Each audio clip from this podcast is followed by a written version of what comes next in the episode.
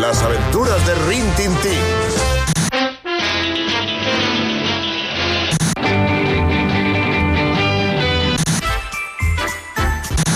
La familia El equipo A.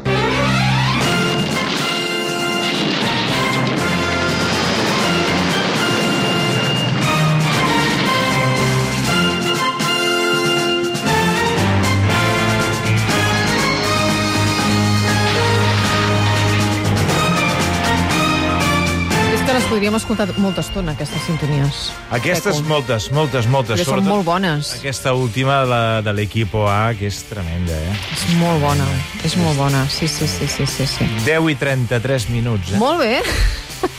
Què trobes?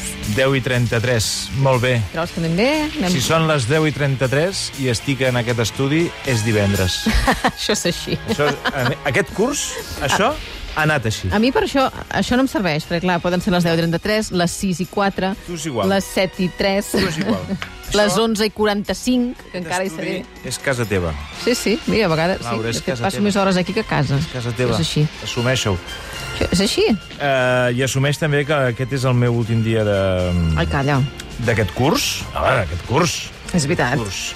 Vacances, eh, lladre? Mira, sí, m'han dit que, que les puc agafar i les agafo. Oh, tant. Hombre, les agafo. Quan passen, s'agarren, que deia aquell. Quan passa, s'agarra. Doncs avui és l'últim dia d'aquesta secció. I com vaig fer divendres passat, estem recollint tot el que no hi ha que, que, cabut, no? I com que són moltes les seccions boomers que no, de les quals no hem parlat, doncs vam, va, vaig fer allò de, bé, trio 10, en faig 5 divendres passat. Molt bé. Saps? Estic explicant una mica el meu sistema Les- de, de les in- producció. Les interioritats. Les intimitats d'aquesta secció. Molt bé. Eh? I avui farem la resta, que són unes altres cinc, i que la recordarem a través de les seves sintonies, que és el que més... Perquè la música és el que més et queda, sí, moltes vegades. La música és el que més et queda. Eh, Te'n recordes una sèrie que es deia... No ho sé, sents la música? Home, Ah, aquesta. home sí. clar que sí. La setmana passada vam parlar de Bonanza, de Missió Impossible, jo que sé. Moltes. Avui comencem amb una paròdia de les pel·lícules d'espies de meitat dels 60.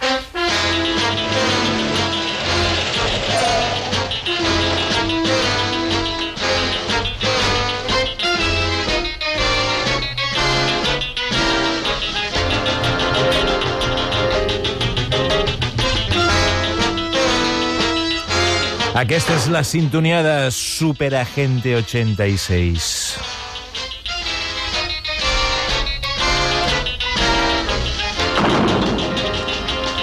Aquesta és una sèrie, Superagent 86, de- ja et dic, eh, de meitat dels 60, és superboomer, ja és dels, dels boomers grans. És una sèrie creada per Mel Brooks i eh, que alguns boomers potser recordaran per la seva careta, en la qual el protagonista anava avançant per l'interior d'un edifici i s'anaven obrint portes al seu pas i quan les creuava s'anaven tancant, com les de la presó, però en un edifici d'oficina sinistre i tal. El protagonista era Maxwell Smart, l'agent 86, i la seva companya, agent 99, que no tenia nom. Ah, no tenia nom? No li posaven nom. Agente 99, li diuen. Extremadament matusser, era el, el superagent 86, Uh, però sempre resolia els seus casos, a vegades per casualitat, d'altres vegades gràcies, com no, com sempre, a la gent 99, uh, el personatge femení. El que més m'agradava a mi és que feia servir una sabata com a telèfon mòbil. Oh, en aquells moments ho trobava boníssim, això. Jo és que em moria de riure feia quan riure, veia... això? Oh! Oh, no t'ho pots imaginar, Ah, el sí? que em feia riure. Escolta'm, eh, eh, no et demano que et situïs a, No, me- no, ja- a ja- meitat home. dels 70. Ja em faig el càrrec, ja, que, Però- que això de parlar per telèfon eh, així sense Saps què era veure un era senyor, impossible. un senyor per la tele Sí. que es treia la sabata i parlava per telèfon amb la sabata a l'orella com si fos un telèfon? Hòstia, això... Imagina com el nivell de l'humor. No, no, a mi em feia riure molt, però bueno. I ara passem a la sèrie de la transició espanyola. Bueno,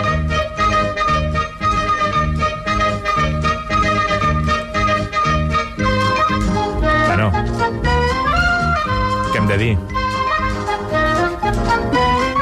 Tu has dit la sèrie. La sèrie. La sèrie. La sèrie de la transició espanyola. Verano Azul. Verano Azul. O sigui, Verano Azul ho va patar moltíssim, es va emetre a començament dels 80, jo he dit de la sèrie de la transició espanyola, a veure, una mica més endavant, eh, sis anys més, etc. i que malgrat el seu to moralista, que era pesadíssim, en canvi tractava temes com divorci, um, la regla, les mares solteres... Què dius? Ah, ah carai, jo no ho recordo això, eh, d'aquell temps, però tampoc la vaig seguir molt, Verano Azul. Només eh, el, els capítols importants. Doncs, eh, què hem de dir? Que ens va deixar una frase que va passar a la història. Home, absolutament, per sempre. Chanquete ha muerto. ¡Tanquete ha muerto! Chanquete ha ¡Ha muerto Tanquete! Amb els mocs, eh? Pots tornar a posar? És que se sent... Inclús podem sentir els mocs de, del, del lector, eh? ¡Tanquete ha muerto! ¡Ha muerto Tanquete!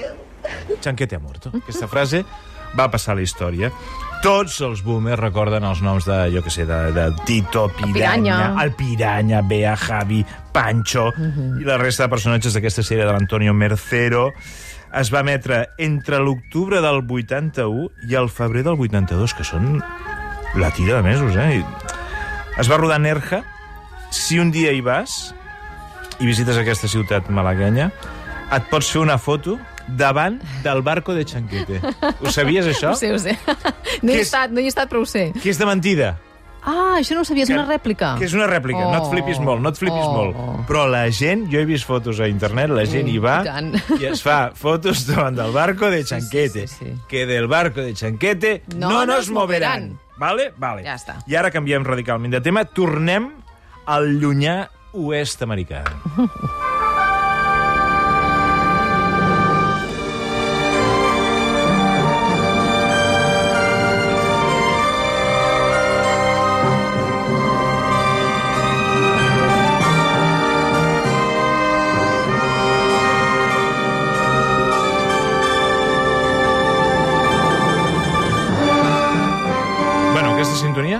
diu res? No, Val, no, no, no, no, no, gens, eh? Ens n'hem anat una mica més enrere Ah.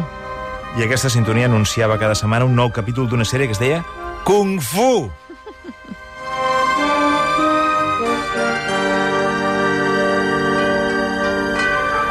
Bueno, aquesta sèrie és molt estranya, perquè aquí la van veure als, als anys 70 i explica les aventures d'un monjo Shaolin que viatja pel llunyà oest americà en busca del seu germà i quan és atacat per totes les persones dolentes i malvades del el llunyà oest americà, les úniques armes que té són la seva saviesa en les arts marcials, d'aquí el nom de Kung Fu, que és una de les arts aquestes, i el budisme com a forma de vida. Uh -huh.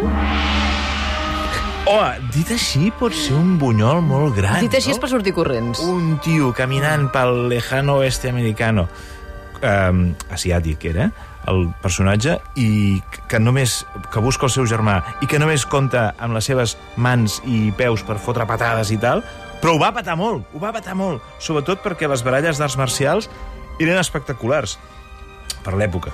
I també perquè fotien uns flashbacks i el veies amb, ells, amb ell quan era petit. I el seu mestre l'anomenava Pequeño Saltamontes.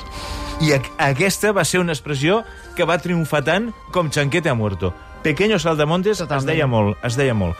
El protagonista era David Carradine, que molts anys després Tarantino va rescatar per donar-li el paper de Bill Ara sí. a Kill Bill, on les arts marcials tenen molta presència. I és que el Tarantino no se'n pot estar de fer aquests tipus d'homenatges als herois televisius de la seva infantesa, perquè el Tarantino i jo som boomers, som de la mateixa. Sí, sí, això és així. Sí, sí. I ara fem un salt als 80, una sèrie que ho va patar molt a TV3.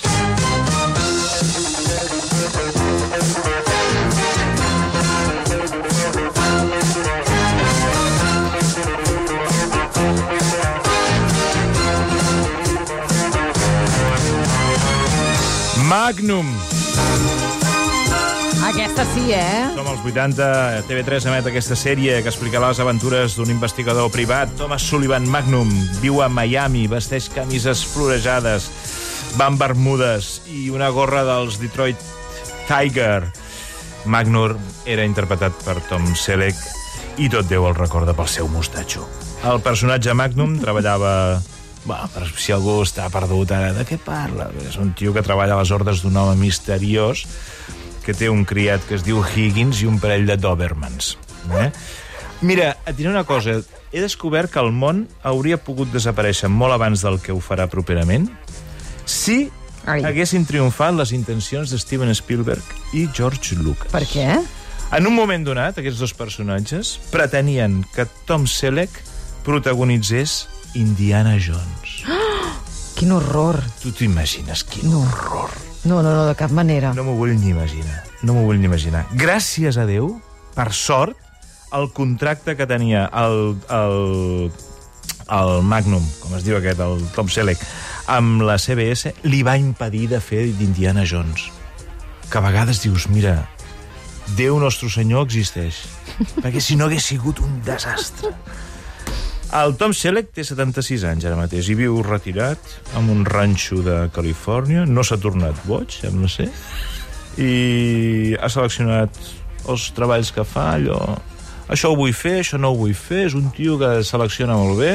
Com que va aparèixer en 10 capítols de Friends, Oh, calla! És veritat! que feia del nòvio de la... De la Mònica. De la Mònica. Sí, sí, oh, Un quina història d'amor. Un oftalmòleg madur. madur. Home, sí, tenia l'edat del seu pare. Sí, bueno, aquestes coses a vegades passen, eh? eh... Sí, sí. No. Pineda, hola. Què tal? Què tal? No, perquè, perquè de seguida hem parlat de relacions eh, amb unes Sí. sí. diferències de Sí. tremendes i Pineda, hola. No, mira, perquè m'ha semblat que... No, sí, sí, i també Sí. sí. duia mostatxo. Qui? A Friends, la Mònica? Ah, Home, no, la Mònica no. Escolta, i acabem amb dibuixos animats. Oh!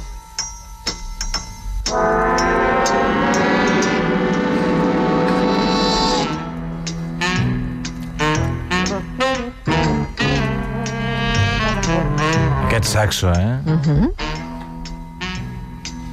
Ui, ara hi ha tot de gent, perdona, eh? Tota gent indignada perquè hem dit que, que Tom Selleck eh, no, no és guapo.